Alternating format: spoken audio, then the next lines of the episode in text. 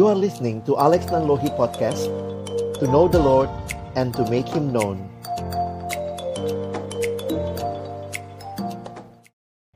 Kami akan kembali membuka firman-Mu ya Tuhan. Karena firman-Mu itulah pelita bagi kaki kami dan terang bagi jalan kami.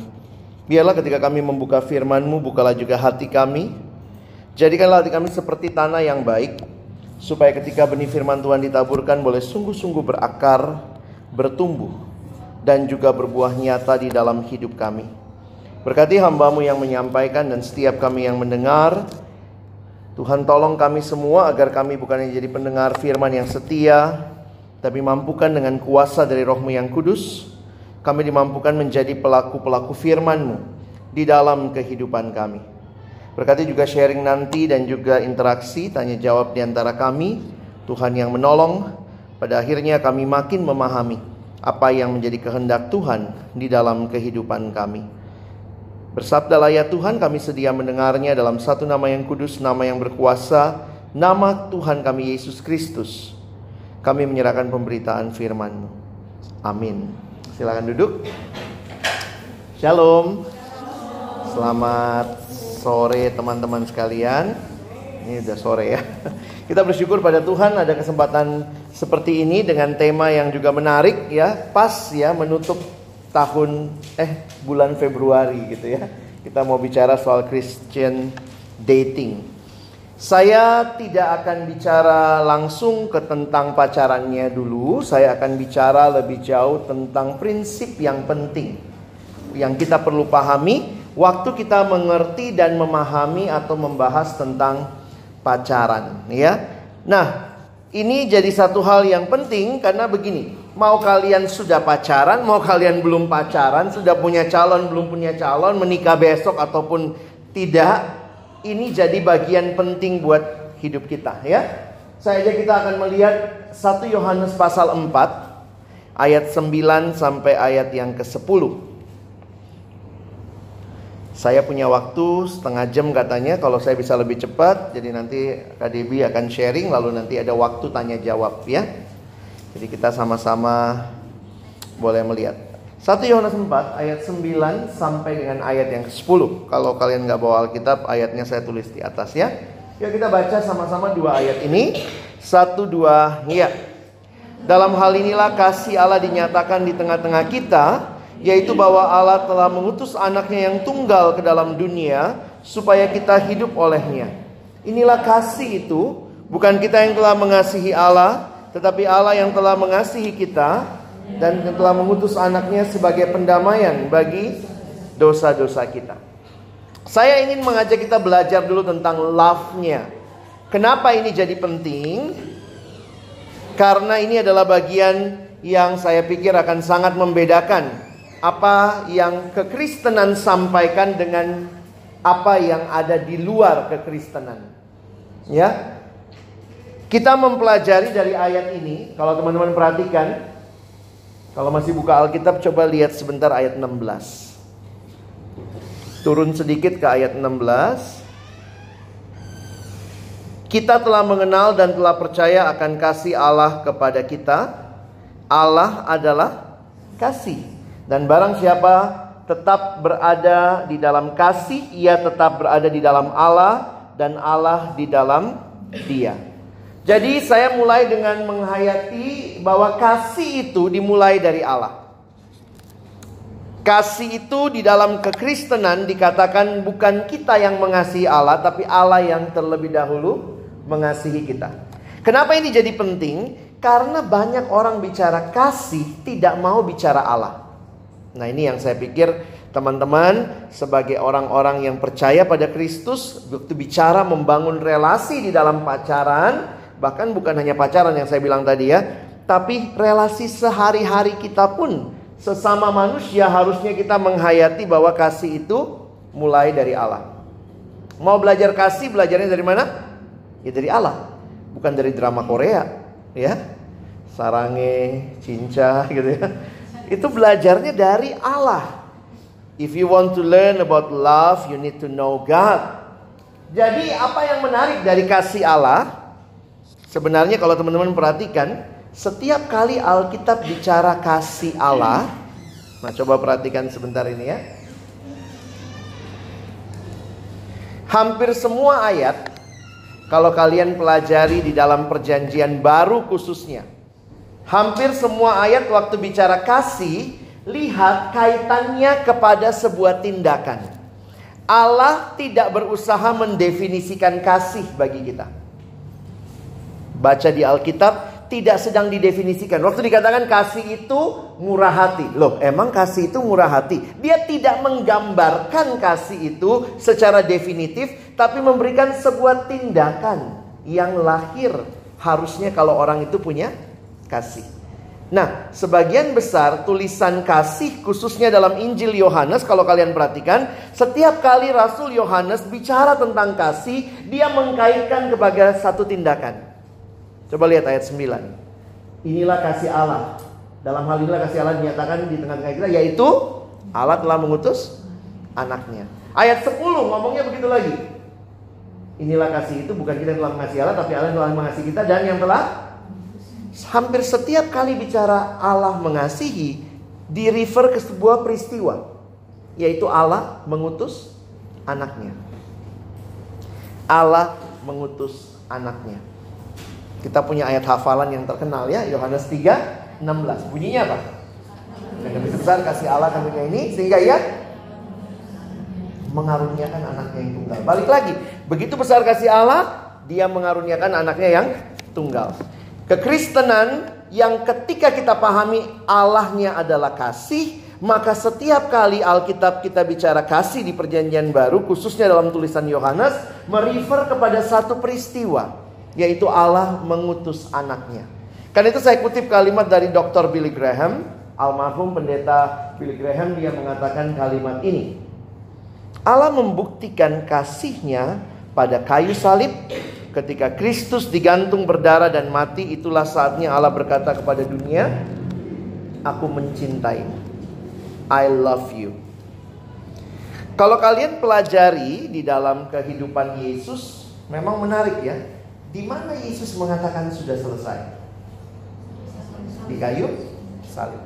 Itu menunjukkan bahwa puncak karyanya yang di refer ketika Allah mengutus anaknya adalah peristiwa salib. Saya kalau menyederhanakannya seperti itu ya. Dan waktu saya lihat kalimat Billy Graham, dia mau menyatakan bahwa Allah menyatakan kasihnya di kayu salib. Dengan mau menyatakan kepada kita, I love you. Makanya kalimat ini menarik ya, saya senang kalimat ini bisa jadi like this gitu ya. Ini dari John Stott. If we are looking for a definition of love, we should look not in a dictionary, but at Calvary. Nah ini gimana nih diterjemahkan langsung hilang indahnya ya. Karena ada permainan kata antara dictionary and Calvary. Nah, apa yang penting untuk kita pahami? Kalau ditanya apa itu kasih anak sekarang gitu ya langsung begini ya. apa? Sarang, sarang gitu ya.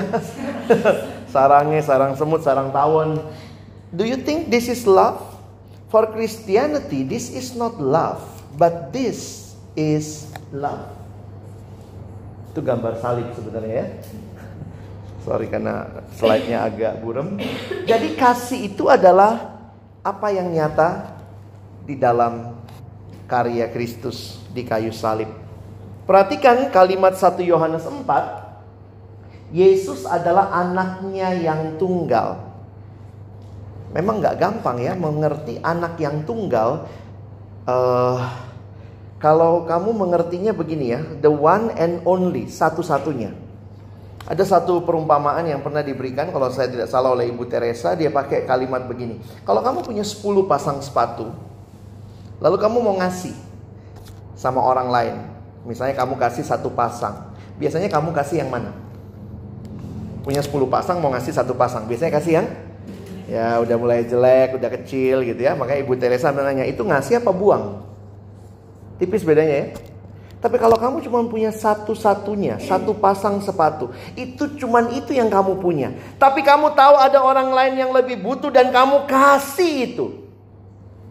Maka dalam memberi selalu ada sakit meng, apa ya? pengorbanan yang sebenarnya sakit gitu ya. E, sakitnya tuh di sini. Dikatakan di ayat tadi, Allah mengaruniakan anaknya yang tunggal. Dia mengutus anaknya yang tunggal, the one and only son. Tapi yang menarik lebih jauh adalah apa yang terjadi ketika Allah mengutus anaknya bagi kita. Perhatikan ayat 9 dan 10, ada dua hal yang terjadi di ayat 9 dikatakan supaya kita hidup olehnya. Dan yang kedua, Yesus menjadi pendamaian bagi dosa-dosa kita. Kenapa ini jadi penting? Karena akhirnya waktu teman-teman mempelajari God is love, Allah mengasihi dengan menunjukkan kasihnya melalui pengorbanan Kristus di kayu salib, ini bukan kasih bagi diri sendiri. Tapi semua kasih ini menunjuk keluar bagi orang yang dikasihi. Karena itulah saya melihat kasih Allah itu sangat luar biasa karena kasihnya fokusnya manusia maka yang dapat benefit adalah manusia. Tuhan tidak ngerampok sesuatu dari kita. Makanya ada yang bilang sebenarnya bahasa Indonesia itu paling gampang menjelaskan kasih. Apa itu kasih? Kasih, ya kasih. Ya? Bahasa di dunia kan kalau Indonesia paling gampang kasih itu kasih ya kasih.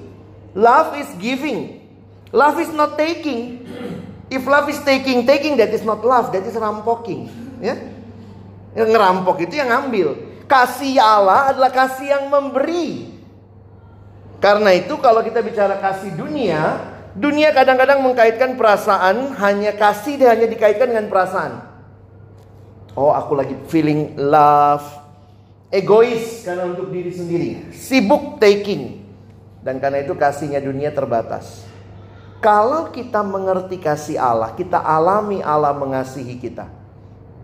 Maka harusnya kita punya kasih yang seperti itu.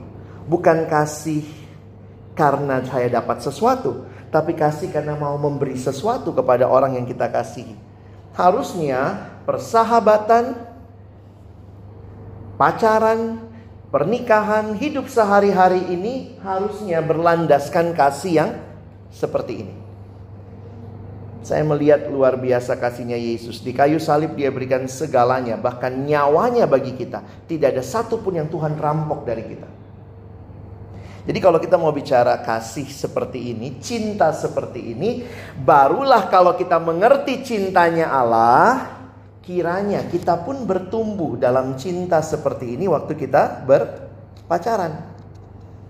Makanya fokus saya adalah bagaimana menerapkan cintanya dalam berpacaran. Bayangkan kalau kamu tidak mengalami cintanya Tuhan, kasihnya Tuhan, lalu kemudian pasanganmu tidak mengalami kasihnya Tuhan, maka kalian sibuk merampok satu sama lain. Dua hati yang kosong disatukan tidak akan saling mengisi, tetapi menciptakan kekosongan yang lebih besar. Saya ulangi. Dua hati yang kosong ketika tidak ada kasih Allah mengisinya.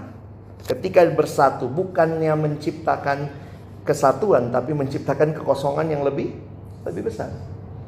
Jadi kalau kamu belum alami kasih Allah sebenarnya ngeri juga berpacaran ya. Walaupun saya pikir dalam kasih itu pun kita bertumbuh. Karena kita masih punya keegoisan, kadang-kadang kita masih nuntut gitu ya kalau punya pasangan, pacar, suami atau istri pun kita masih mengalami itu.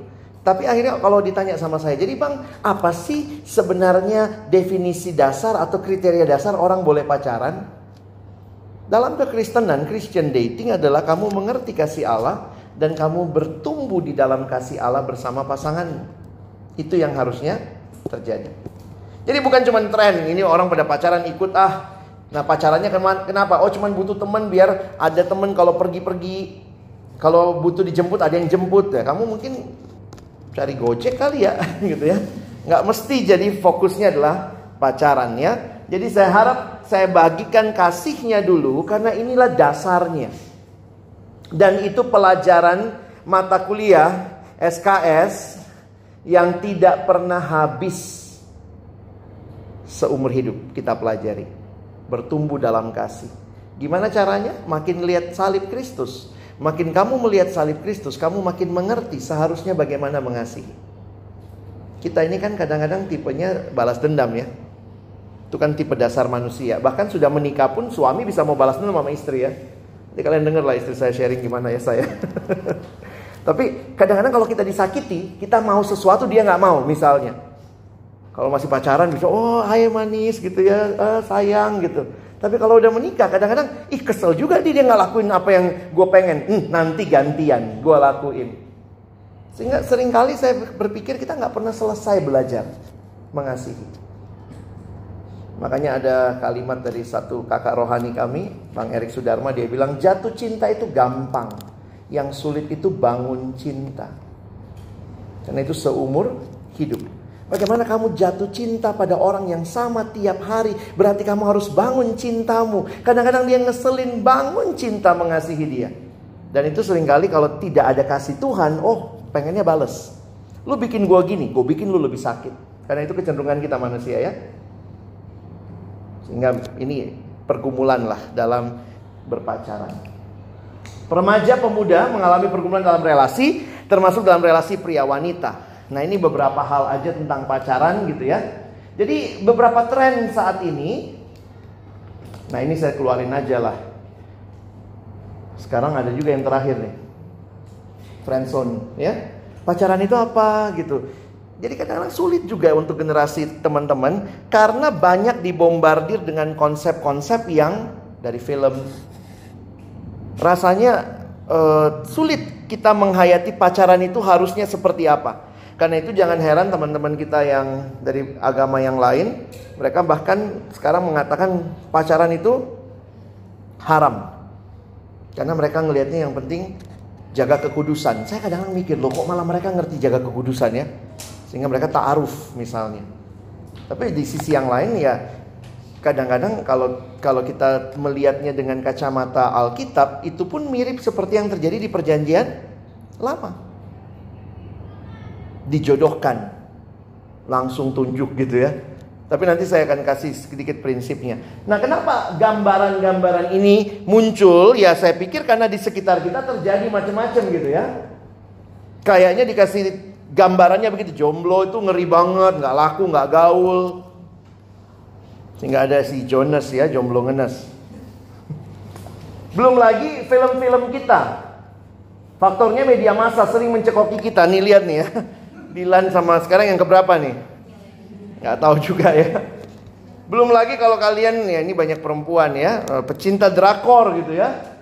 Saya nggak tahu ini kata Kak ini aja dulu gambarnya. Saya nggak tahu ini siapa dia yang nonton ya.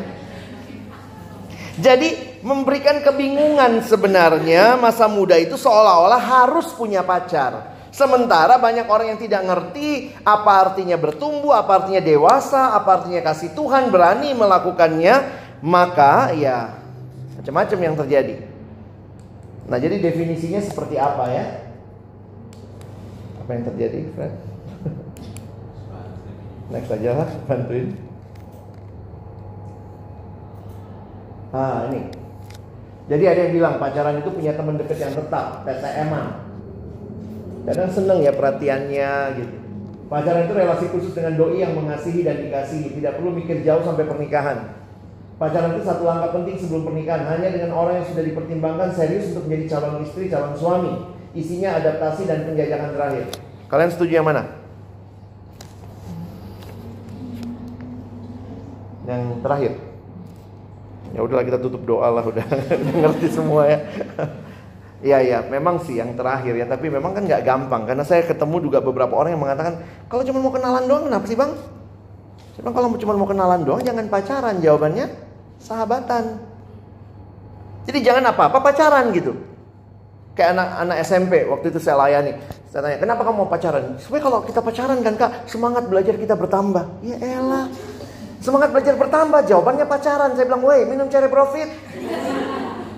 Jadi hati-hati, kita nggak punya fokus dan tujuan jelas untuk pacaran, lalu kemudian kita pikir semua jawabannya pacaran. Jadi mana yang benar? Sebenarnya yang penting adalah kita belajar mendefinisikan. Saya pikir ini juga penting ya. Definisikan dulu nih, teman itu apa, sahabat itu apa, pacar itu apa, tunangan dan terakhir sih pernikahan ya. Nggak keluar lagi nih. Ah ini. Apa bedanya teman sama sahabat? Mana yang lebih dekat? Eh sahabat ya. Sahabat boleh sama lawan jenis? Boleh dong ya. Temenan? Boleh juga. Sahabat sama pacar? Yang jelas harus lawan jenis pacar ya. Terus apa lagi bedanya? Kalian mesti ngerti nih bedanya apa? Fokusnya di mana bedanya? Hmm? Pengenalan? Loh sahabat banyak loh yang lebih kenal dari pacar. Buktinya kalau kamu sedih cari sahabat biasanya. Karena disakitin pacar. Apa yang lebih dari sekedar pengenalan lagi? Ada apa? Ko komitmen. Itu yang membedakan. Banyak orang sulit membedakan. Dulu saya punya ponakan gitu ya di TK biasa kita suka nanya, "Pacar lu siapa?" Anak TK. Semua ini si ini pacar gua, si ini pacar gua. Satu sekolah pacar dia semua. Tapi kalau sudah kuliah, satu satu kelas semua pacarmu, nah sakit kau. gitu ya. Karena itu mesti bisa bedakan nih. Ada orang baru jalan berdua deket, ih gue deket banget sama dia, dia pacar gue. Loh ada komitmen nggak? Nah termasuk juga banyak yang senang kedekatannya nggak mau komitmennya. Ini yang beda bahaya juga sekarang. Saya harus katakan kalimat ini. Dekat tanpa komitmen, lawan jenis dekat tanpa komitmen itu cenderung menyakitkan. Jadi lebih baik kalau jelas, jelas apa nih? Kita pacaran atau bukan? Kalau bukan, maka juga harus bisa jaga jarak. Karena jangan membiasakan dekat tanpa komitmen. Karena ada yang gitu, jam segini udah makan, sama siapa? Makannya di mana? Begitu tahu-tahu dia jadian, bunuh diri kamu. Sedih banget, sakit banget loh. Saya tanya, itu pacarmu bukan? Bukan sih bang. Tapi saya udah nikmati perhatiannya selama ini. Nah, di situ gobloknya kamu. Kadang-kadang kita jatuh dalam trap karena itu kebutuhan ya. Kita senang diperhatikan. Nah itu mesti hati-hati lah. Ada lagi cewek yang datang sama saya. Karena ini cowok-cowok persekutuan juga gitu ya nggak gentle kadang-kadang ya. Deket-deket nggak mau nembak. Kurang ajar tuh kadang-kadang ya. Sorry ya Fred bukan lo ya. Ada yang bilang dia nanya sama saya, Alex, bayangkan saya udah tiga bulan ini hampir tiap minggu dia pasti jemput saya. Kalau mau ke persekutuan atau apa. Terus dia nanya sama saya, jadi dia maunya apa sih kak? Saya bilang, lo nanya sama gue, tanya sama dia gitu ya. Maksudnya dia mau nanya sama saya. Jadi menurut Kak Alex ini apa gitu? Saya bilang tanya sama cowok itu. Eh, saya kan cewek, nggak enak. Budaya kita di timur cewek, masa yang nanya duluan? Ya juga sih. Tapi saya pikir kamu butuh kejelasan kan? Karena masa mau hidup tanpa kepastian? Sementara cowoknya paling susah kasih kepastian. Saya bilang tanya aja. Kalau nggak berani kamu suruh orang lain yang nanya. Tanyanya apa? Tanyanya apa? Saya juga bingung ya. Saya bilang tanyalah paling tidak. Perlu bayar nggak? Siapa tahu dia gojek jemput-jemput kamu gitu ya. Nah, tapi dari situ nanti mesti jelas tuh pacaran ada komitmen. Pacaran sama tunangan? Jarang sih ya. Kalau tapi tunangan itu sebenarnya sudah diketahui oleh keluarga besar. Kalau pacaran mungkin masih komitmen berdua. Lalu nanti pernikahan. Apa bedanya tunangan sama pernikahan? Ada yang bilang yang satu lebih mahal, pernikahan lebih mahal. Bedanya? yang tunangan masih mungkin putus. Bisa loh orang tunangan. Boleh kan putus? Boleh. Pacaran boleh putus nggak? Boleh. Tapi jangan di benaknya pacaran buat putus, pacaran buat putus. Kau udah playgirl duluan, playboy duluan gitu ya. Tapi bisa putus kalau memang tidak cocok, jangan, jangan terusin. Nah, pernikahan sudah masuk ke komitmen seumur hidup. Jadi kalau kita bikin gambarnya nih harus begini kan, piramidanya terbalik. Jangan kebalik di bawahnya so, istri banyak, suami banyak gitu ya enggak. Pacar pun mulai satu tuh, ya jangan banyak. Di tiap fakultas satu. Kesannya ini banget ya. Nah, jadi selalu mulai dari ini mulai dari akhir, start from the end of mind. Nah, saya mau sedikit bicarakan dulu tentang ini ya, pernikahan. Kenapa? Karena lihat, Alkitab tidak bahas pacaran. Alkitab kita di dalam budaya Yahudi mereka tidak kenal pacaran. Yang mereka kenal adalah pertunangan dan pernikahan. Tapi bentuknya mirip. Pacaran tadi kalian bilang supaya lebih mengenal kan? Dengan tujuan pernikahan. Nah di dalam orang Yahudi karena mereka di matchmaking itu masih ingat misalnya orang tua Yesus Maria sama Yusuf mereka sudah bertunangan tapi belum boleh ber hubungan suami istri. Karena waktu itu dengan budaya mereka yang ditunangkan maka satu tahun mereka harus dipisahkan. Mereka bisa ketemu tapi kemudian kembali ke rumah masing-masing. Nah di masa itu mereka kenalan lebih jauh. Di situ pun juga diuji kesucian seksualnya. Makanya lihat waktu Yusuf tahu Maria sudah hamil dia mau menceraikan diam-diam. Jadi sebenarnya bagi saya begini, masa pertunangan ini dalam budaya Yahudi buat apa sih? Ternyata saya tanya dari teman saya yang belajar perjanjian lama itu demi mengenal. Jadi mereka di, di, dipasangkan dulu baru mengenal. Kalau kita agak beda ya. Kenal dulu. Nah, itu yang namanya pacaran. Tapi sebenarnya saya setuju sekali semua jenis relasi baik di depan komitmennya, di belakang komitmennya semua butuh pengenalan. Bahkan di dalam tradisi tidak tertulis, ini kalimat seorang teman yang belajar PL ya. Dalam tradisi yang tidak tertulis di perjanjian lama, Orang yang menikah diharapkan belum langsung punya anak. Ada bahkan yang mengatakan harus dua tahun dulu baru punya anak. Supaya apa? Bisa saling kenal. Banyak orang kan kenalnya cepat, tahu-tahu menikah interupsi anak. Jadi sebenarnya belum belum kenal mendalam tapi tahu-tahu sudah ada interupsi dengan harus mengurus anak dan seterusnya. Nah, jadi pacaran Kristen harusnya memiliki tujuan pernikahan. Karena pernikahannya kudus, pacarannya pun kudus.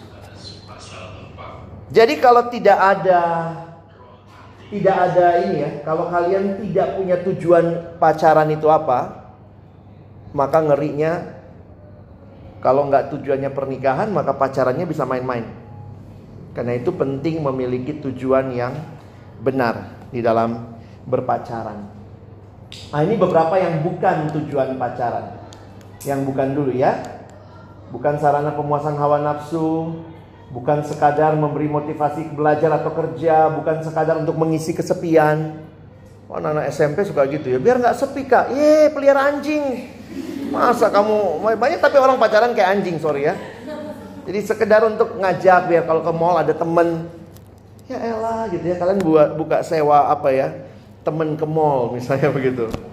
Sekarang ada yang itu mau nyewain apa pelukan itu? Baca nggak ya? Mau nyewain uh, pemeluk. nah, bukan sekedar free love tanpa arah. Jadi tujuannya apa? Tujuan berpacaran Sorry. Sa masa saling mengenal. Dapat menyesuaikan diri satu sama lain sebelum pernikahan. Penyesuaiannya apa? Rohani, karakter, saling kenal kan? Bukan penyesuaian fisik. Jangan kayak beli mobil nih, coba dulu kak. Kalau nggak cocok balikin. Emangnya ini banget gitu ya. Next, Fred. Nah, tetapkan batas-batas keintiman. Nah, ini memang jadi diskusi. Sebenarnya kalian mintanya ini ya. Cuman saya pikir juga mungkin belum semuanya pacaran ya. Jadi kalau udah dibahas lebih jauhnya, batas-batas keintiman, saya pikir kalian dalam dunia kedokteran pun tahu ya bahwa manusia ini Tuhan yang ciptakan seks itu jangan lupa. Apa artinya seks? Jenis kelamin. Eh, jangan mikir macam-macam ya. Karena ada anak pulang dari sekolah, anak kelas 2 SD, "Mami, what is sex?" Mamanya udah bingung, "Hah? Anak kelas 2 SD udah nanya what is sex?" ya. Uh, mami bilang, uh, jadi, "Mami love daddy." Lalu ada dede. you know what is sex? No, mommy. Mommy, what is sex? Ulang ya. Mommy love daddy. Mommy, daddy love each other. Lalu dede lahir. Kamu ngerti seks? Enggak, mami. Terus dia bawa gini. Mami, I need to fill this form. Sex, male or female. Dia cuma formulir dari sekolah gitu ya. Kan begitu ya. Nggak ada formulir dari sekolah gitu. Uh, seks, titik dua pernah atau tidak pernah gitu kan itu male or female jadi perhatikan seks itu jenis kelamin siapa yang ciptakan Tuhan bagaimana dengan anugerah Tuhan yang menciptakan seks? Maka seks bukan tabu.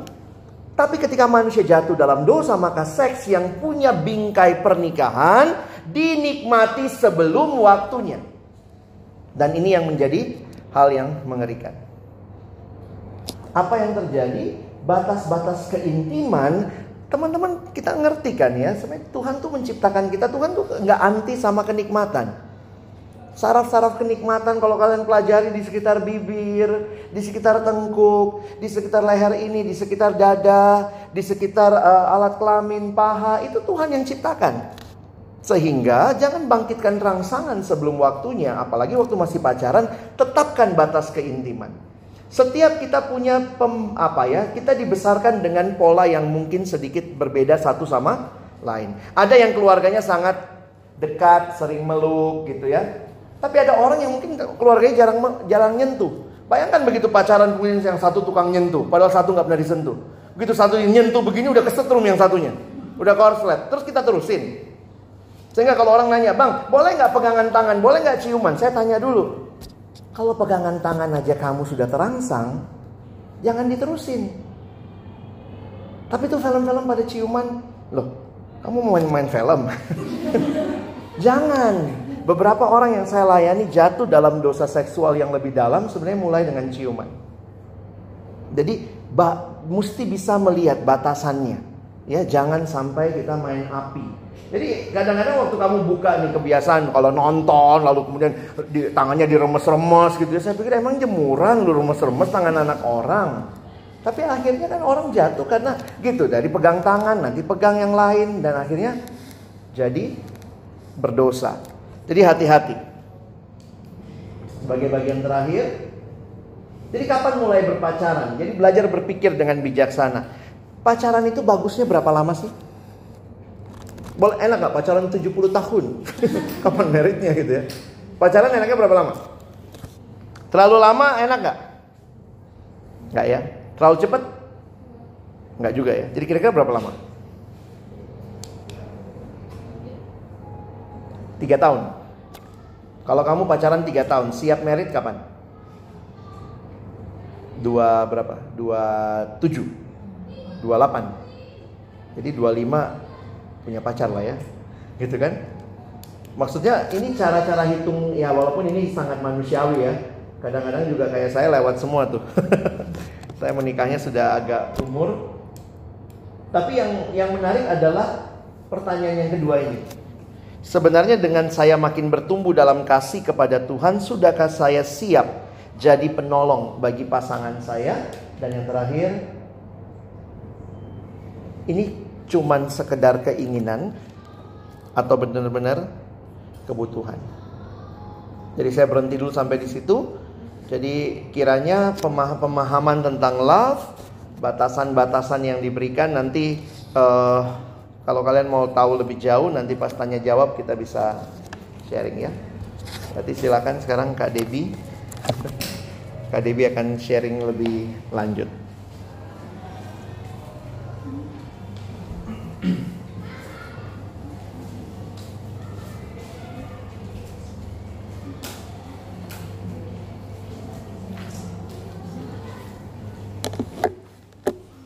Selamat apa nih sore?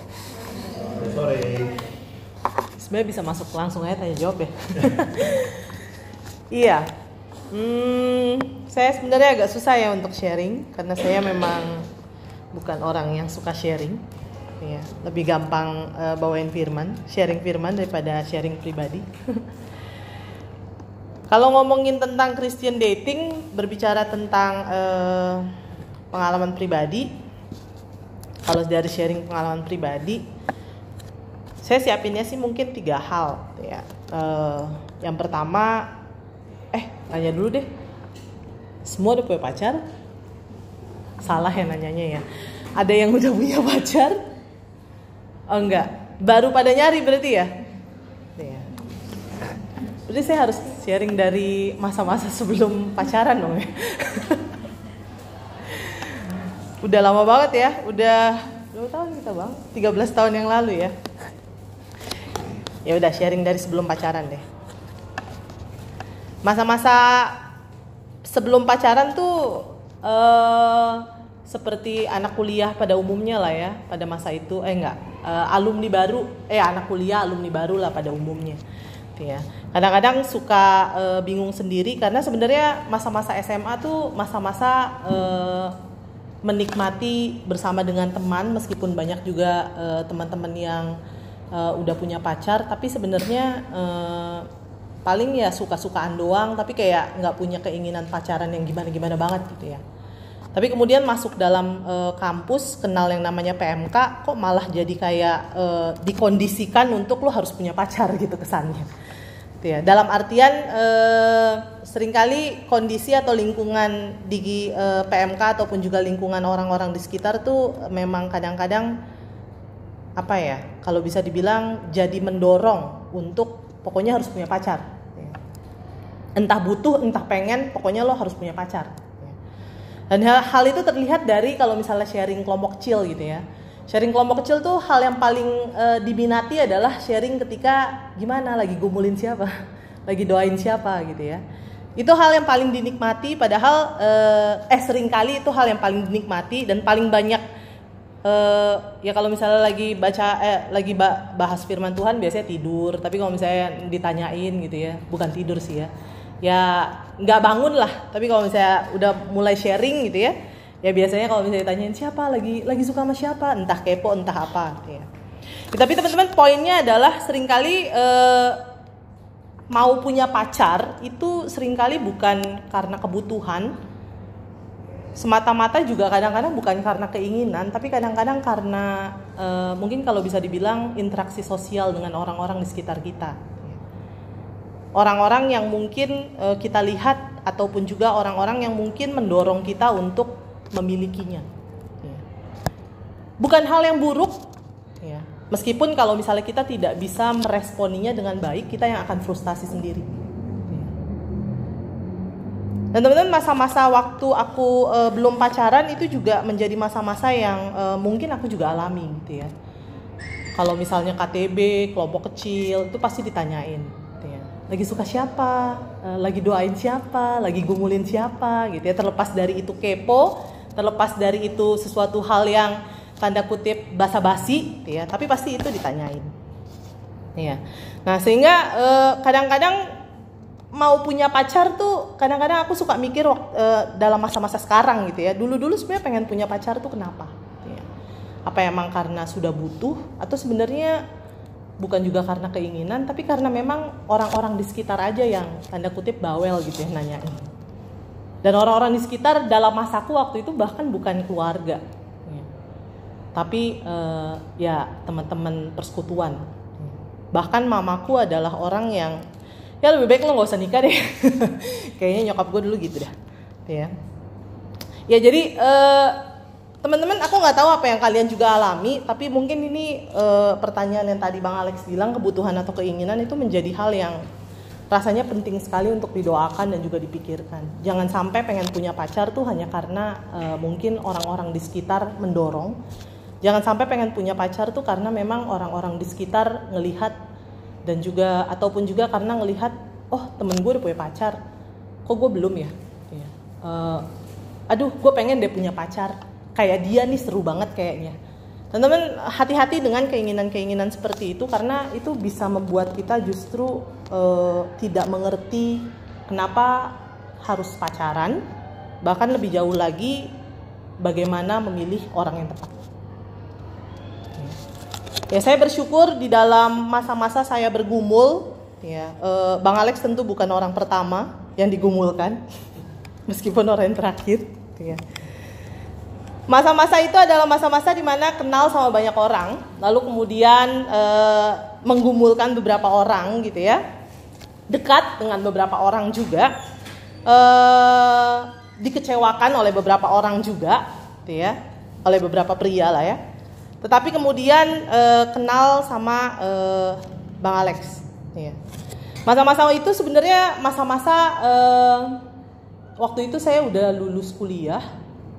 Baru lulus 2007 itu baru lulus kuliah ya baru selesai pelayanan baru akan menyelesaikan pelayanan di PMKJ pada waktu itu.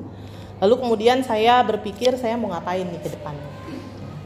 Dan e, juga memikirkan e, siapa kira-kira pasangan hidup e, atau siapa ya kira-kira orang yang saya lihat oh kayaknya nih bisa jadi e, calon untuk didoakan gitu ya Ya itu itu tentu hal-hal yang juga dilakukan, melihat siapa orang yang e, bisa didoakan.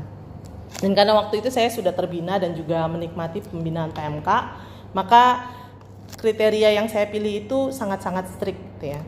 Sebelum Bang Alex sebenarnya ada beberapa teman eh, teman kampus, teman kuliah yang juga deketin ya. Dan kemudian eh, suka eh enggak, dalam masa-masa lagi bergumul sama Bang Alex waktu itu ada teman-teman kuliah juga yang datang gitu ya yang kemudian eh, suka eh, WA eh WA belum ada waktu itu SMS. Ya, suka SMS. Belum ada juga BBM. Jadi SMS waktu itu lalu kemudian apa namanya ngajakin ketemuan dan segala macam gitu ya. Tapi kemudian eh, ya saya udah bergumul waktu itu dengan eh, Bang Alex. Nah dalam masa-masa mendoakan pasangan hidup pada waktu itu sebenarnya eh, mungkin ini juga hal yang menarik bahwa saya waktu itu memulainya dengan eh, saya waktu itu memulainya dengan melihat beberapa calon gitu ya, lalu kemudian mendoakan. Ya. Dan ketika mendoakan, lalu kemudian memilihlah, ya, wah ini kayaknya calon-calon yang tepat. Ya. Mendoakan, memilih, lalu kemudian setelah itu yang satu tiba-tiba oh udah punya pacar, oh bercebukan, gitu ya. Lalu kemudian oh yang satu nih eh, deket-deketin gue, tapi kok kayaknya eh, nggak jelas, eh malah jadian sama temen KTP gue ya udah, gitu ya. Jadi eh, beberapa beberapa hal lah. Lalu kemudian di tahun 2006 kamu balik dari Inggris 2006. 5. 2005 akhir, 2005 akhir ya waktu itu. ya. 2005 akhir, 2006 itu Bang Alex waktu itu pernah jadi pembicara di PMKJ. Ya. Waktu itu eh, kemudian terpikir eh, "Oh, apa doain orang aja ya. Tapi kemudian saya mikir gitu ya, ah kayaknya kejauhan lah, gitu ya. Pertama jauh dalam artian saya sama Bang Alex itu terpaut usianya cukup jauh teman-teman. Eh, saya waktu itu masih sangat muda, dia udah eh, agak tua gitu ya. Jadi terpaut usianya cukup jauh. Tetapi memang saya waktu itu karena pengalaman orang tua saya, saya melihat bagaimana papa saya yang terpaut cukup jauh usianya dengan mama itu sangat-sangat eh, mengayomi gitu ya. Jadi saya memang melihat teladan dari papa mama, saya juga berpikir untuk punya pacar yang eh, lebih tua. Gitu ya. Lalu kemudian waktu itu Bang Alex eh, terlalu jauh juga dalam artian dia pelayanan siswa, saya pelayanan mahasiswa, jarang sekali punya yang namanya waktu untuk ketemuan. Gimana caranya bisa deket, gimana caranya bisa kenal dia, ya. Tapi teman-teman di dalam masa-masa pacaran saya ber, eh, sorry, dalam masa-masa menggumulkan atau dalam masa-masa mencari, ya, dalam masa-masa mencari dan menggumulkan itu saya belajar puasa doa. Ya. Saya belajar bagaimana ketika saya berdoa, ketika saya mendoakan, ya, eh, Tuhan nyatain eh, nyatain kehendaknya. Ada masa-masa di mana saya sudah saya waktu itu sudah mendoakan dengan nating tulus gitu ya. Tapi kemudian ketika mendoakan dengan nating tulus itu yang terjadi adalah kok kayaknya nggak ada nggak ada harapan. Gitu ya. Nggak ada harapan dalam artian perkenalan tuh sama sekali nggak ada dan sama sekali nggak ada apa ya gesekan gitulah ya ketemu pun nggak gitu ya jadi waktu itu saya berpikir, oh kayaknya memang bukan. Ya. Tapi kemudian ketika saya mendoakan, waktu itu saya ingat banget saya mendoakan dan e, terus mendoakan, meminta meminta e, mencari tahu lah apa yang jadi kehendak Tuhan, karena itu anak PMK diajarinnya gitu kan ya, cari tahu kehendak Tuhan. Nah teman-teman saya belajar bagaimana Tuhan kemudian menyatakan kehendaknya. Ya. Satu persatu jalan dibuka. Ya. Waktu itu saya ingat banget saya dapetin firman Tuhan waktu saya udah mau nyerah saya dapetin firman Tuhan yang bilang e, tetaplah berdoa. Ya jadi pas lagi kayak gitu saya mikir ya udahlah nggak ada nggak ada salahnya lah tetap mendoakan. Toh belum ada calon yang lain gitu ya. Ya belum ada yang lain lah ya udah doain aja. Ya ya udah akhirnya didoakan tetap mendoakan. Dan dalam masa-masa itu saya melihat bagaimana Tuhan bekerja dan dari pengalaman saya itu saya ngelihat bahwa ya kalau emang misalnya Tuhan mengkehendaki, kalau Tuhan emang pengenin, ya sebenarnya nggak ada yang bisa nutup, nggak ada yang bisa nutup jalan. Jalan pasti akan terbuka sedemikian rupa. Kalau emang itu adalah kehendak Tuhan. Dan karena itu saya meyakini bahwa dalam pergumulan saya, eh, dalam pergumulan saya, lalu kemudian akhirnya eh, semakin eh, dekat, lalu kemudian akhirnya eh, ya PDKT juga, ya lalu kemudian e, saling bergumul, saya melihat bahwa memang Tuhan buka sedikit demi sedikit jalan itu dan itu terbuka. Sehingga bagi teman-teman yang mungkin saat ini sedang menggumulkan, sedang berdoa, sedang bergumul banget tentang pacar, gitu ya. Maka teman-teman percayalah bahwa Tuhan tuh kasih kok pasti dalam masa yang kita memang sudah butuhkan.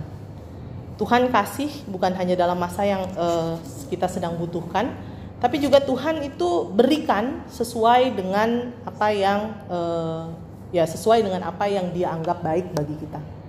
Ya, jadi nggak usah ngeburu-buru lihatlah bahwa kalau itu adalah kehendak Tuhan uh, saya waktu itu sama Bang Alex benar-benar nggak punya nggak punya irisan. Dia pelayanan siswa dia ke mana saya ke mana gitu ya saya pelayanan mahasiswa. Dia senior dalam pelayanan waktu itu saya ini apa gitu ya saya ini waktu itu masih jadi pengurus PMKJ ya pengurus Persekutuan Mahasiswa Kristen Jakarta dia udah staff saya masih jadi pengurus PMKJ jadi kalau katanya Kak Vivi seperti pungguk merindukan bulan waktu itu. Tetapi teman-teman dalam ya dalam pimpinan dan juga e, pertolongan Tuhan gitu ya, saya melihat bahwa ketika Tuhan memang mengkehendaki ya Tuhan buka jalan. Dan saya percaya juga hal itu juga berlaku buat kalian. Gitu ya. Entah kalian sedang mendoakan, entah kalian mungkin ngerasa nggak ada harapan. Ya kalau emang Tuhan kehendaki, Tuhan pasti buka jalan. Tuhan pasti kasih yang terbaik. Dan dalam masa-masa pacaran, kalau berbicara tentang Christian dating, ada tiga hal yang saya lihat dalam masa-masa pacaran saya gitu ya. Yang pertama itu adalah teman-teman e, banyak orang setelah saya nikah itu nanya gitu ya, lu nggak e, kesepian, bang Alex pergi mulu kayaknya gitu ya. Lalu kemudian dalam hati saya mikir, itu mah bukan pas nikah doang, pas pacaran juga begitu. Gitu ya. Jadi teman-teman bayangin dalam masa-masa kami pacaran, saking sibuknya e, beliau gitu ya, saya sama dia itu kadang-kadang ketemuan cuma sebulan sekali. Saking sibuknya ya. Kadang-kadang saya mikir nih orang sadar nggak sih punya pacar? Gitu ya. Enggak. Enggak nah teman-teman sehingga tapi dalam masa-masa itu satu hal yang menarik yang saya juga belajar dan uh, waktu itu saya ingat banget juga bang Alex pernah uh, maksudnya itu uh, mengajarkan saya gitu ya dia mengajarkan saya untuk jangan andalin dia, tapi andalin Tuhan. Gitu ya. Jujur aja waktu itu kalau misalnya saya jadikan dia segala-galanya, mengandalkan dia, dia harus ada setiap saat, setiap waktu, saya pasti banyak kecewanya.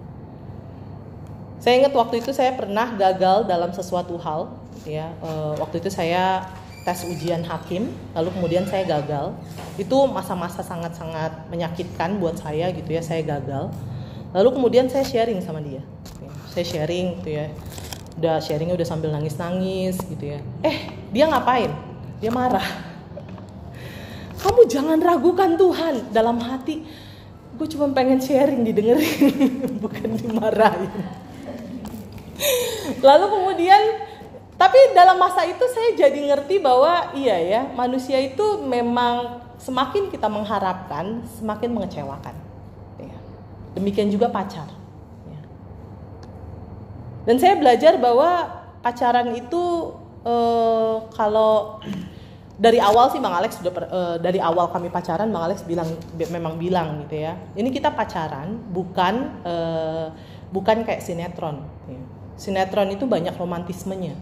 Tapi kita ini bukan eh, bukan di sinetron. Gitu ya, dia bilang waktu itu terus gitu waktu itu pas dia bilang kayak gitu saya pikir terus ngapain pacaran gitu ya tapi kemudian lama kelamaan saya sadar bahwa iya ya maksudnya saya belajar e, banyak gitu ya melihat bahwa e, ya kalau dalam sinetron-sinetron kan kayaknya kalau misalnya lagi kenapa-napa pacarnya pasti ada gitu ya. Tiba-tiba dateng tiba-tiba jemput gitu ya. Tiba-tiba nganter gitu ya. Ya lah dalam konteks kami waktu itu ya begitulah gitu ya. Tetapi ya saya itu hal yang pertama yang saya, uh, yang saya uh, belajar gitu ya bahwa uh, bukan mengandalkan Tuhan eh sorry bukan mengandalkan pacar tapi andalkan Tuhan makin mengandalkan pacar sebenarnya makin banyak kecewanya pastinya. Teman-teman demikian juga kalau misalnya kalian udah punya pacar nantinya ingat pacar bukan segala-galanya tapi Tuhan segala-galanya. Makin andalkan pacar percayalah makin banyak kecewanya. Lalu kemudian hal yang kedua dalam masa-masa pacaran ini sebenarnya masa-masa di mana saya eh, belajar kami lah ya kalau bisa dibilang saling mengenal dan mikir bukan cuma sekedar kenal teman-teman tapi mikir. Mikirnya apa? Ini orang tepat nggak ya buat saya? Ini orang memang tepat nggak ya? Dengan segala karakternya dia yang seperti ini dengan segala karakter saya yang seperti ini ya. Tepat nggak ya? Jadi itu masa-masa kami memang akhirnya proses saling mengenal dan bukan cuma saling kenal. Ketika udah kenal pun akhirnya mikir benar atau enggak. Dan tentu dalam masa-masa proses saling mengenal itulah e, banyak hal yang akhirnya ya kami pasti saling mengenal meskipun mungkin ketika pernikahan lebih saling mengenal lagi gitu ya. Nah dalam masa-masa proses saling mengenal itu e, apa namanya? Satu hal yang saya juga pelajari adalah belajar untuk menerima. Ya. Bang Alex berkali-kali dalam proses saling pengenalan itu dalam masa-masa pacaran itu saya ingat salah satu hal yang saya ingat adalah dia selalu uh, apa namanya bertanya gitu ya uh, kamu bisa teri, uh, apa namanya bisa terima aku apa adanya atau enggak gitu ya teman-teman itu merupakan proses yang uh, ya itu merupakan proses yang terjadi dalam uh, masa-masa pacaran gitu ya. bisa terima dia apa enggak atau uh, bisa terima dia atau enggak. Karena memang kalau misalnya saya nggak bisa terima dia apa adanya ya ya di tengah-tengah segala kelemahannya maupun juga di tengah-tengah segala kekuatannya ya maka mungkin akan sulit untuk melanjutkan ke dalam tahap selanjutnya. Jadi masa-masa pacaran jangan cuma masa-masa menikmati romantisme sesaat ya tetapi menikmati bagaimana saling kenal. Salah satu hal yang menarik adalah waktu itu tuh eh, Alex selalu bilang gini kalau belum eh, kalau belum melihat dia marah ya maka kamu sebenarnya belum eh, melihat sisi aslinya katanya jadi masa-masa itu benar-benar masa-masa melihat bagaimana uh, ketika sedih, ketika marah, ya, ketika kesal. Jadi itu benar-benar proses saling mengenal. Dan dalam proses saling mengenal itu beberapa hal yang kami lakukan adalah uh, makan, ya makan ambil sharing gitu ya. Lalu kemudian uh, waktu itu kami ingat banget kami pakai buku KTB, ya dibantu oleh buku KTB dan itu menolong tapi satu hal yang kami nggak pernah lakukan dalam proses saling mengenal di masa-masa pacaran adalah nonton. Nonton bioskop maksudnya. Itu yang kami nggak pernah lakukan. Kami ngelakuinnya waktu mau nikah ya, sebelum mau nikah. Ya, sebelum menikah. Tapi dalam masa-masa pacaran tuh sama sekali nggak pernah nonton, nggak pernah nonton bioskop maksudnya, nggak pernah nonton bioskop bareng. Nggak pernah nonton bioskop berduaan doang maksudnya. Nggak punya duit katanya. Bukan bukan karena itu. Ya. Waktu itu karena memang eh, apa namanya Bang Alex sadar bahwa ya memang kelemahannya dia pada waktu itu eh, ya kalau di tempat-tempat gelap ya dia dia sharing takutnya terjadi hal-hal yang diinginkan oh nggak tidak diinginkan maksudnya ya jadi itu merupakan salah satu cara juga untuk kalau ngelihat saya ngelihat itu salah satu cara juga dia menjaga saya. Jadi itu proses saling kenal dan juga mikir dan dalam proses saling mengenal itu hal-hal yang dilakukan bukan cuma sekedar uh, ya itulah ya nonton dan segala macam tapi memang uh, yang kami lakukan adalah hal-hal yang membuat kami saling kenal satu dengan yang lain. Ngobrol, sharing, bahas buku, bahas buku KTB, itulah yang kami uh, lakukan gitu ya. Cerita tentang keluarga kami, keluarga kami seperti apa, bagaimana relasi kami di hadapan keluarga gitu ya. Lalu kemudian hal yang ketiga dalam Christian dating yang saya pelajari dalam uh, pengalaman saya adalah butuhnya teman untuk sharing tentang relasi yang ada. Teman-teman uh, menjalani masa pacaran, kami pacaran itu tiga setengah tahun ya dalam menjalani masa pacaran itu jujur aja uh, kalau katanya kan pacaran itu uh, ini ya tiga bulan pertama tuh kayaknya musim semi gitu ya. Masih bersemi cinta masih bersemi gitu ya hati masih kayak gimana gitu ya. Lalu kemudian uh, terjadilah musim apa habis musim semi musim panas ya. Katanya cinta makin membara tapi lama-lama gugur katanya gitu ya. Eh lah makin lama makin dingin. Katanya kayak begitu ya. Nah teman-teman masa-masa satu dua bulan pacaran tuh menyenangkan dalam artian wah punya pacar gitu ya uh, apa namanya uh, hati tuh kayaknya loncat-loncat gitu ya lalu kemudian uh, wah rasanya menyenangkan ya itu masa-masa sebelum dia jarang eh, sebelum dia sibuk keluar kota. ya, jadi masa-masa kami masih masih sering ketemu, ya itu masa-masa menyenangkan. Tapi lebih dari beberapa bulan itu, itu masa-masa kayaknya masuk dalam musim kering, ya. Musim musim di mana nih gimana ini komunikasi kayak begini, jalan eh, eh ketemuan jarang di tengah-tengah kesibukannya dia, ya. Tapi saya sadar bahwa eh, nggak bisa nuntut. Nggak bisa nuntut dia karena e, memang pada masa itu saya sadar bahwa dia nggak bisa ketemu bukan karena nggak mau tapi karena memang e, tanggung jawab pelayanan yang harus dikerjakan. Jadi saya menyadari bahwa nggak boleh nuntut tapi namanya juga orang namanya juga manusia ya namanya juga cewek ya baperannya ada ya teman-teman dalam masa-masa itu saya berpikiran untuk putus itu sering ya.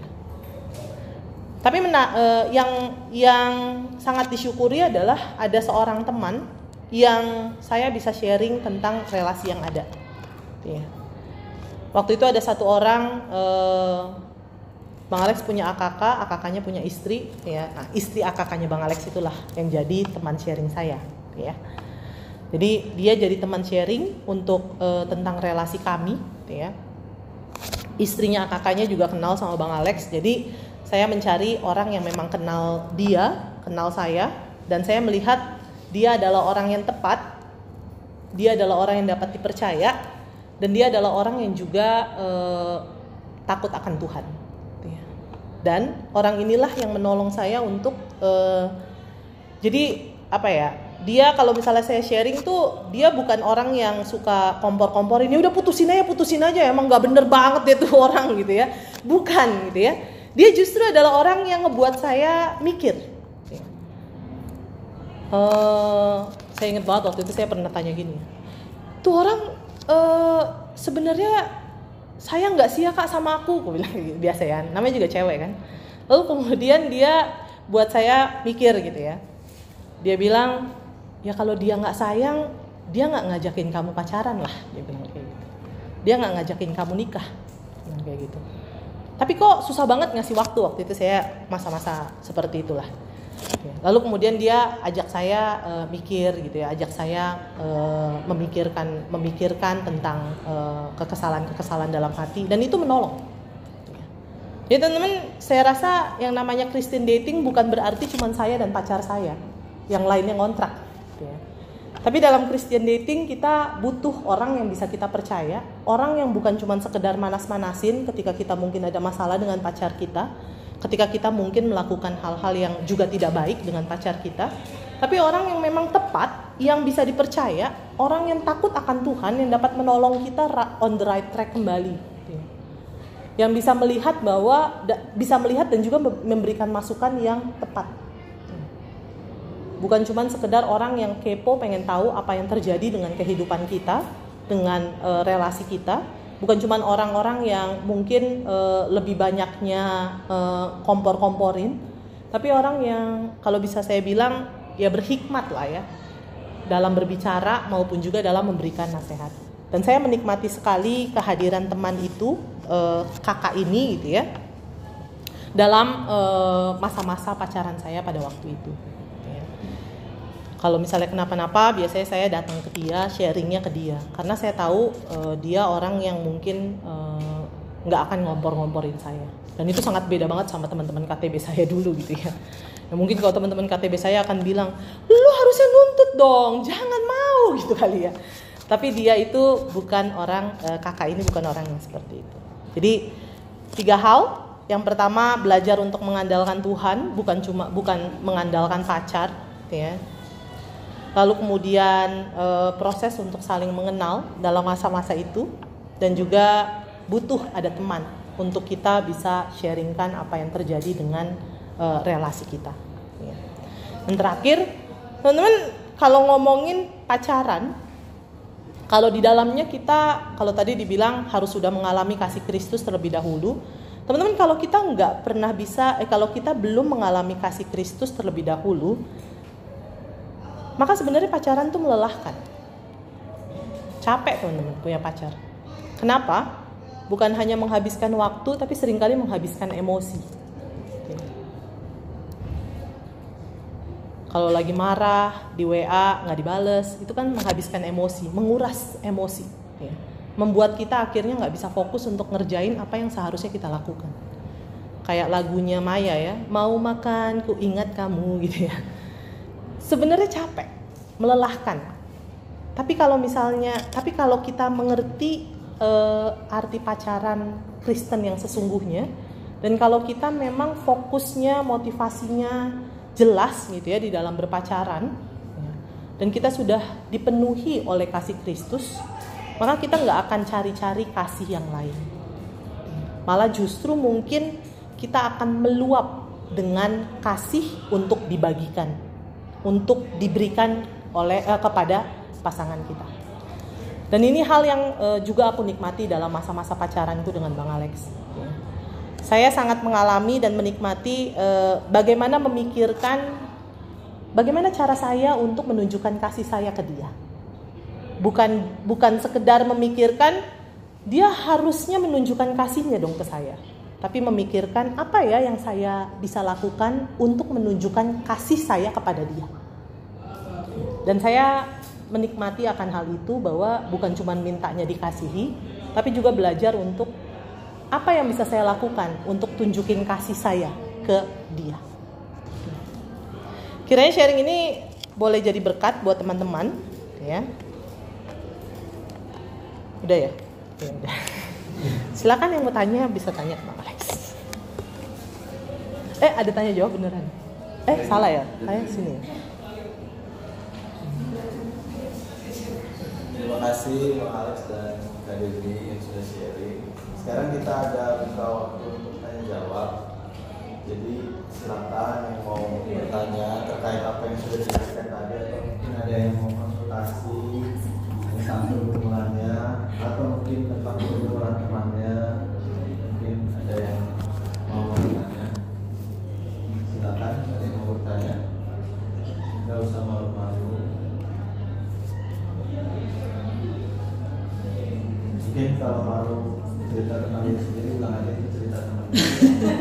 Mawar bukan nama sebenarnya.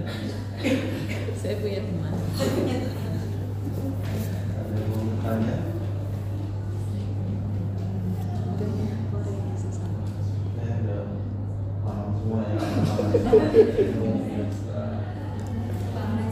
ada yang mau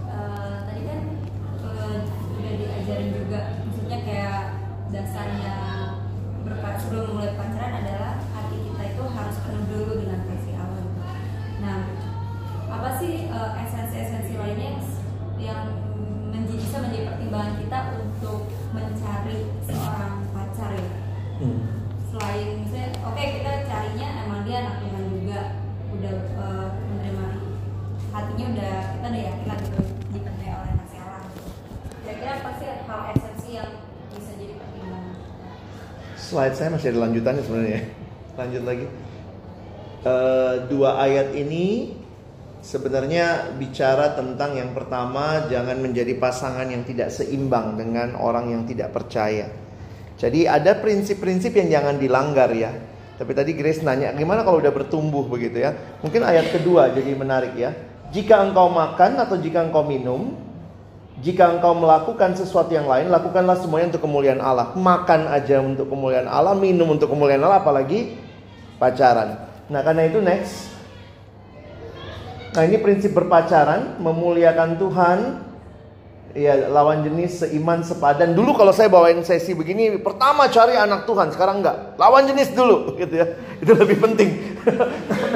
Ada yang kami seiman bang, tapi ya lu nggak bisa sama dia gitu, sama sama cowok misalnya gitu ya. Lawan jenis seiman sepadan. Nah, kalau sepadan sebenarnya banyak yang mencoba menafsirkan, tapi bagi saya sih sebenarnya bertumbuh lebih tepat. Jadi sama-sama mau bertumbuh. Tidak ada dari kita yang sudah sempurna dengan kasih Tuhan ya. Jadi uh, cobalah lihat. Makanya saya suka sedih melihat orang-orang yang akhirnya memilih berpasangan dengan orang hanya Kristen. Sekadar Kristen.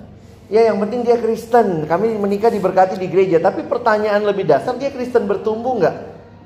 Kalau datang persekutuan jangan iya dia jemput aku bang tapi dia tunggu di bawah. Nggak mau dengar firman nggak pikirnya nanti gimana tuh keluarga ke depannya. Lalu dalam kasih dan dalam kekudusan.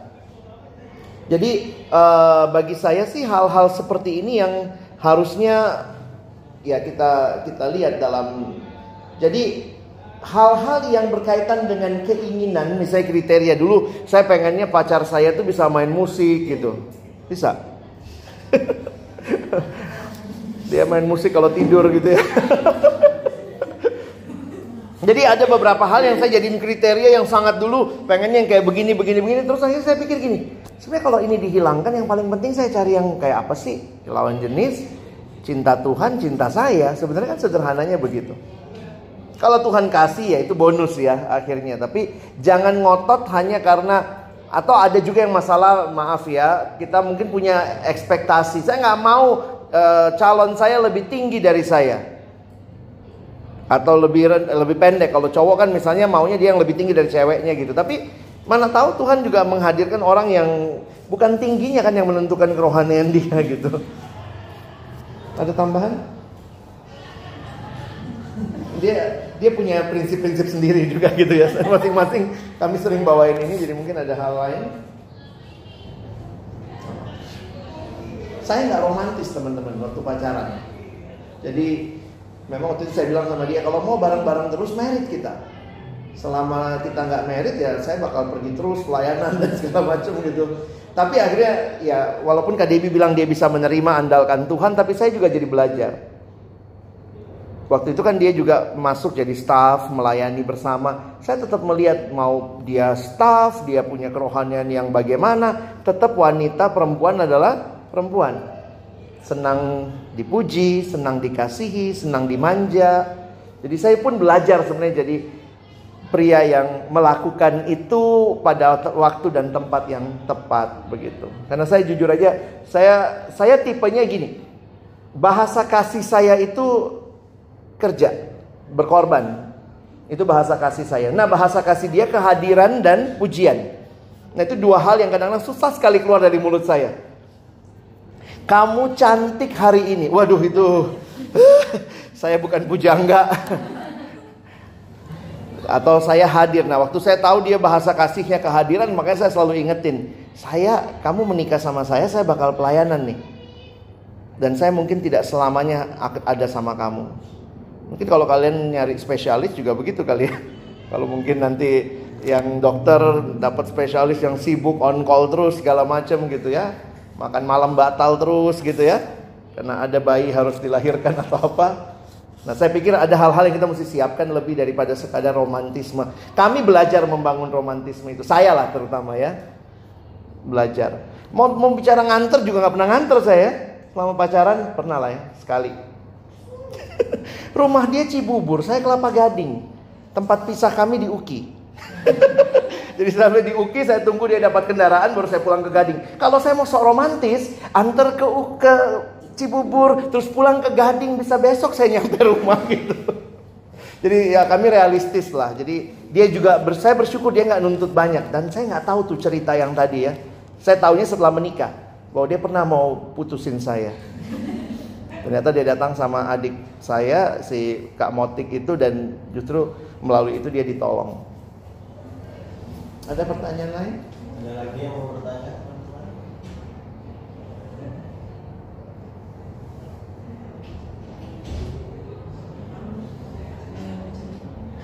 Ya kalau nggak mau nanya cerita mungkin curhat. Kau mungkin Fred.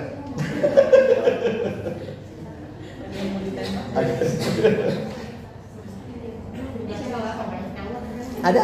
Boleh, boleh, boleh. Ya, ayo deh. Mau nanya katanya. Boleh disuarakan oleh temannya. Siapa yang mau menyuarakan?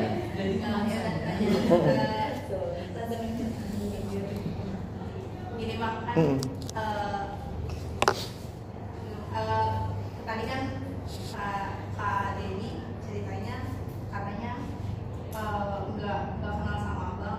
Mm-mm.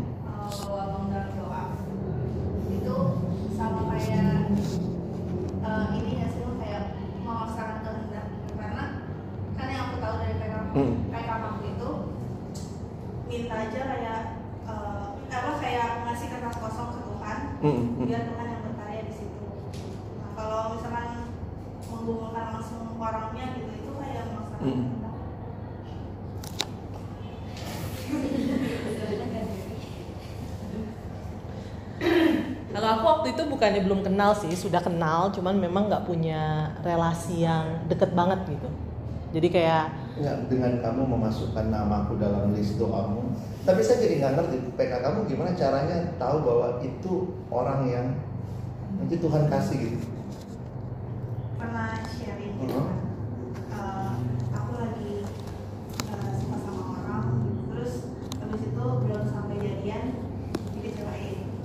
Terus habis itu eh, dia bilang, eh, padahal aku bilang gitu, aku kan selama ini udah mendoain nih kak, tapi Hmm. kenapa sih eh, Tuhan akhirnya misahin kita gitu, nggak sampai Hmm. jadian terus dia bilang, ya kamu memang kayak memaksakan kehendak kamu gitu, kamu eh, pengennya dia, pengennya dia jadi kayak menghalangin Tuhan buat kasih tunjuk ini loh yang sebenarnya gitu kan. Kamu kasih aja kayak kamu kasih kertas kosong ke Tuhan biar dia yang berkarya di situ. Gitu.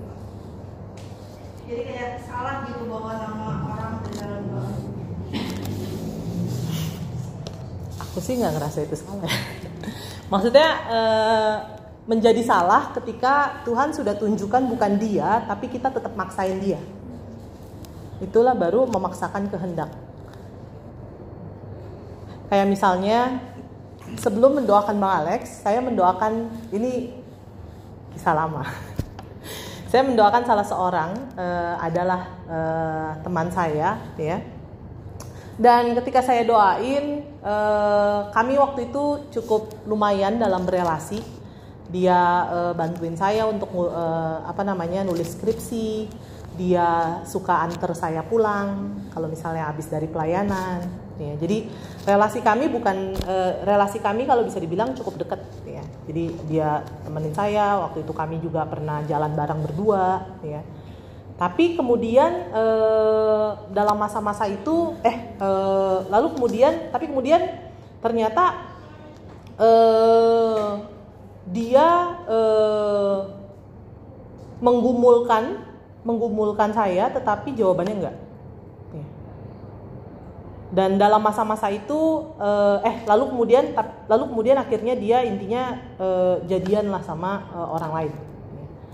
Nah dalam masa-masa itu saya sadar bahwa kalau saya tetap ngedoain dia berarti saya maksain kehendak saya karena memang bukan dia. Dan kalau misalnya saya tetap ngedoain dia, mungkin saya nggak akan ngedoain Bang Alex.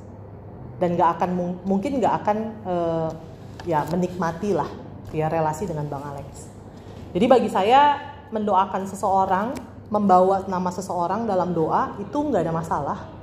Hanya saja kalau Tuhan tahu, eh kita harus tahu bahwa eh, kalau emang bukan dia, eh jangan dipaksain lagi. Kalau misalnya kita tetap maksa, tetap ngotot, ya, ya mungkin itu adalah memaksakan kehendak. Kayak misalnya ya kisah saya tadi lah, udah tahu dia udah punya pacar, ya, eh, dia jadian sama orang lain, jawaban dia memang enggak, ya udah cukup sampai di situ aja, nggak usah dilanjutin terus menerus, karena itu berarti saya maksa, ya maksain kehendak. Meskipun mungkin ada eh, apa namanya eh, kasus-kasus khusus terkait dengan tetap didoain, eh akhirnya ujung-ujungnya jadian juga, gitu ya. Kalau misalnya kayak Bang Ruli gitu ya, Bang. Hmm. Ya, misalnya ada Bang Ruli gitu ya, bagaimana eh, dia pernah cerita Kamaria istrinya itu tetap ngedoain dia meskipun dia udah punya pacar tetap didoain gitu ya. Eh ujung-ujungnya memang jadian. Itu case khusus tapi ya. Saya jangan jangan digeneralisir, jangan dibawa umum lalu kemudian kita ngelihatnya wah, ayo mati-matian untuk eh, pokoknya harus dapat dia. Jadi menurut saya eh, ketika Tuhan memberikan kepada kita juga akal budi untuk memilih, untuk eh, ada satu eh, ada satu buku yang pernah saya baca tentang eh, apa namanya tentang berpacaran gitu ya. Menarik buku itu bilang gini, eh, manusia yang nggak perlu milih dalam dunia ini, nggak perlu usaha dan milih dalam mencari pasangan hidupnya di dalam dunia ini hanyalah Adam dan Hawa. Cuman Adam dan Hawa yang nggak perlu usaha, nggak perlu milih. Ya. Tetapi kita, ya, kita harus belajar untuk memilih. Kita harus belajar juga untuk menentukan, ya, memutuskan siapa yang memang Tuhan uh, kehendaki. Seperti itu sih. Bahkan ketika kalau ada orang, ada ada cowok yang deketin kamu, itu pun rasaku juga nggak langsung kemudian oh karena dia deketin saya duluan berarti jawaban Tuhan inilah kayaknya orangnya. Rasanya nggak begitu juga. Ya meskipun kita doain Tuhan saya uh, mau punya pasangan hidup. Lalu kemudian tiba-tiba datang cowok nembak kita deketin kita lalu kemudian kita langsung wah ini jawaban Tuhan. Rasanya nggak gitu juga. Harus tetap didoain bener nggak orang ini adalah jawaban Tuhan bener nggak orang ini adalah uh, apa yang Tuhan kehendaki dalam hidup saya bagi hidup saya? Jadi mungkin itu. Yang gitu sih. Jadi men tambahannya. Tahu dia tahu dia itu bukan cuma dari saya dia udah punya pacar. Batasannya itu aja. Oh, enggak juga sih. Teman-teman salah satu hal yang saya tapi ini masing-masing orang mungkin berbeda kasus ya dalam artian gini uh, Waktu saya masih men, uh, da, dalam konteks saya waktu itu ya, yang saya mendoakan orang ini, ya, uh, saya ingat sekali bahwa dalam relasi saya dengan Tuhan, saya memiliki sebuah kepekaan Tuhan memberikan kepada saya firman. Yang menarik adalah pada masa itu, pada waktu itu, uh, ada masa di mana Tuhan sebenarnya sudah, jadi sebelum ini cowok bilang eh sebelum ini cowok sebenarnya eh, ya sebelum saya tahu sebenarnya enggak gitu ya sebenarnya Tuhan sudah nyatain ke saya ya dalam kepekaan saya pada firman Tuhan ya. jadi waktu itu saya mendapatkan sebuah firman eh, tentang eh, Isabel raja siapa ya Ahab ya. raja Ahab ya raja Ahab yang eh, tanda kutip eh, akhirnya hatinya menjauh dari Tuhan karena eh, istrinya yaitu Isabel ratu Isabel ya. Nah teman-teman saya dapetin waktu itu firman Tuhan itu, saya ingat banget saat teduh dapat itu, tapi kemudian saya eh, menganggap itu bukan jawaban Tuhan.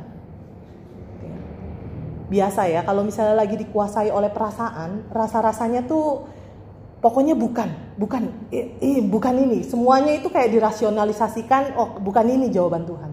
Meskipun jauh di dasar hati saya, saya tahu bahwa ini jawaban Tuhan. Orang ini akan membuat kamu bukannya bertumbuh, tapi jauh dari Tuhan. Bukan salah orangnya, bukan, bukan salah orangnya, tapi kamunya. Karena kamu deket sama nih orang, karena kamu terlalu mengasihi nih orang, kamu akan uh, uh, orang, uh, maka kamu tuh akan menjauh dari Tuhan secara perlahan-lahan. Tapi bukan salah orang yang ngerti ya. Nah kadang-kadang juga hal itu terjadi kan dalam kehidupan kita. Sebenarnya bukan salah orangnya. Mungkin orangnya nggak nggak secara langsung bilang lu jangan lu berhenti pelayanan ya lu ini ya. Ya tetapi kitanya yang kadang-kadang karena terbawa perasaan membawa kita akhirnya justru jauh dari Tuhan. Nggak serta merta harus salah orangnya tapi kitanya yang nggak bisa kuasai perasaan nah teman-teman waktu itu masa dalam masa itu aku mengalami itu ya. jadi mengalami bagaimana Tuhan sebenarnya udah kasih itu Lalu kemudian saya ingat banget ada masa di mana waktu itu uh, uh, waktu itu saya denial lah ya, enggak lah, enggak lah gitu ya. Lalu kemudian itu satu kali. Lalu kemudian yang kedua kali uh, itu paginya kalau nggak salah saya dapetin itu uh, sorenya ada pelayanan. Ya, ada pelayanan waktu itu kami sebagai pengurus uh, nyiapin pelayanan lah, ya, nyiapin persekutuan. Ya. Nah teman-teman e, seolah-olah kayak Tuhan ngasih konfirmasi. Konfirmasinya gimana? Teman-teman tahu bahwa waktu itu kami lagi doa pelayan. Ya. Dan teman-teman e, dalam masa-masa doa pelayan itu, dalam masa-masa itu gitu ya, saya mengalami saya itu nggak tenang. Kenapa nggak tenang? Karena saya menanti-nantikan telepon dari orang itu. Sehingga setiap saya waktu itu inget banget nggak tenang, sehingga pas banget handphone saya getar. Teman-teman itu kayak refleks, saya langsung buka mata langsung angkat telepon. Lagi doa. Dan setelah itu saya itu kayak Petrus gitu ya yang langsung ya ampun apa yang udah gue lakuin gitu ya. Jadi teman-teman, jadi sebenarnya kalau kita mau peka, jangan sampai dibawa perasaan, jangan sampai dikuasai perasaan. Teman-teman, ketika kita menikmati relasi dengan Tuhan, Tuhan akan memberikan kepada kita kepekaan itu. Masalahnya adalah bagaimana relasi kita juga dengan Tuhan ketika masa-masa mendoakan. Jangan sampai perasaan terlalu menguasai kita sehingga kita nggak bisa tanda kutip peka Tuhan tuh sebenarnya lagi ngomong apa ke saya. Jadi bukan cuma sekedar menurut saya itu cowok akhirnya jadian itu kayak konfirmasi berikutnya dari Tuhan, bukan dia orang. Gitu. Jadi bukan cuma itu sih, ada hal-hal lain lagi yang memang kita harus belajar peka. Bagaimana membangkitkan kepekaan ini? Ya mau nggak mau relasi dengan Tuhan yang terus menerus dijaga. Terus menerus relasi kita dengan Tuhan. Kalau dalam relasi kita dengan Tuhan, doa-doa kita kepada Tuhan, kita terus-menerus mendoakan Tuhan, ini orang kayak gimana, ini orang kayak gimana. Teman-teman, saya meyakini bahwa Tuhan itu akan membukakan kepada kita apa yang jadi kehendaknya. Jadi gitu sih. Itu kalau dari aku. Panjang. Itu masih mendoakan ya. Nanti jangan pikir selesai di situ. Waktu jalanin pacaran pun jangan merasa sudah dapat buka mata lebar-lebar karena di situ sebenarnya tahap yang lebih misalnya kalau dia sudah nyakitin kamu. Satu anak DM saya bilang, "Bang, aku udah ditendang sama cowok ini." Tapi cinta mati, goblok kan? Masih mau diterusin ke menikah. Ada yang bilang saya di pacaran bang lihat deh SMS-nya WA-nya gini babi kau dasar kau lah tapi dia bilang iya tapi dia kan sekali-kali doang bang kayak gitu nah biasanya kalau udah kemakan cinta tuh Apalagi bilangnya gini, ini kan dapatnya lewat doa bang. Karena dapatnya lewat doa, jadi nggak boleh putus. Jadi di awalnya udah ngotot, waktu jadian pun tutup mata sama semua hal yang begitu diterusin dalam rumah tangga KDRT itu banyak yang terjadi. Sorry kalau mungkin kalian punya orang tua yang juga ternyata dalam perjalanan hidup mereka saling menyakiti. Kalian biasanya sebagai anak akan bisa lihat kan ini sebenarnya papa mamaku kenapa ya om? Ada hal-hal yang mereka nggak bereskan dulu. Sehingga itu saling nyakitin maki-maki satu sama lain. Sebenarnya itu terlihat kalau kita benar-benar dalam pacaran punya waktu untuk mengenal. Jadi jangan tutup mata. Makanya saya selalu bilang gitu ya salah satu ujiannya adalah pernah nggak marah berantem begitu? Jadi dari situ jadi kelihatan juga nih. Kalau marah dia kayak apa kira-kira begitu. Walaupun udah kenal begitu pun waktu masuk pernikahan ada aja yang kita nggak kenal kok ada lagi nih gitu. Nah tapi kalau di, di bagian pernikahan ya kita udah mesti terima. Karena nggak mungkin cerai. Kalaupun ter, perceraian terjadi saya pikir itu adalah karena ketidaktaatan dua-duanya. Nggak bisa kita nyalahin salah satu aja kalau masalah cerai ya. Pasti dua-duanya ada pergumulan. Oke? okay? Ada lagi yang mau bertanya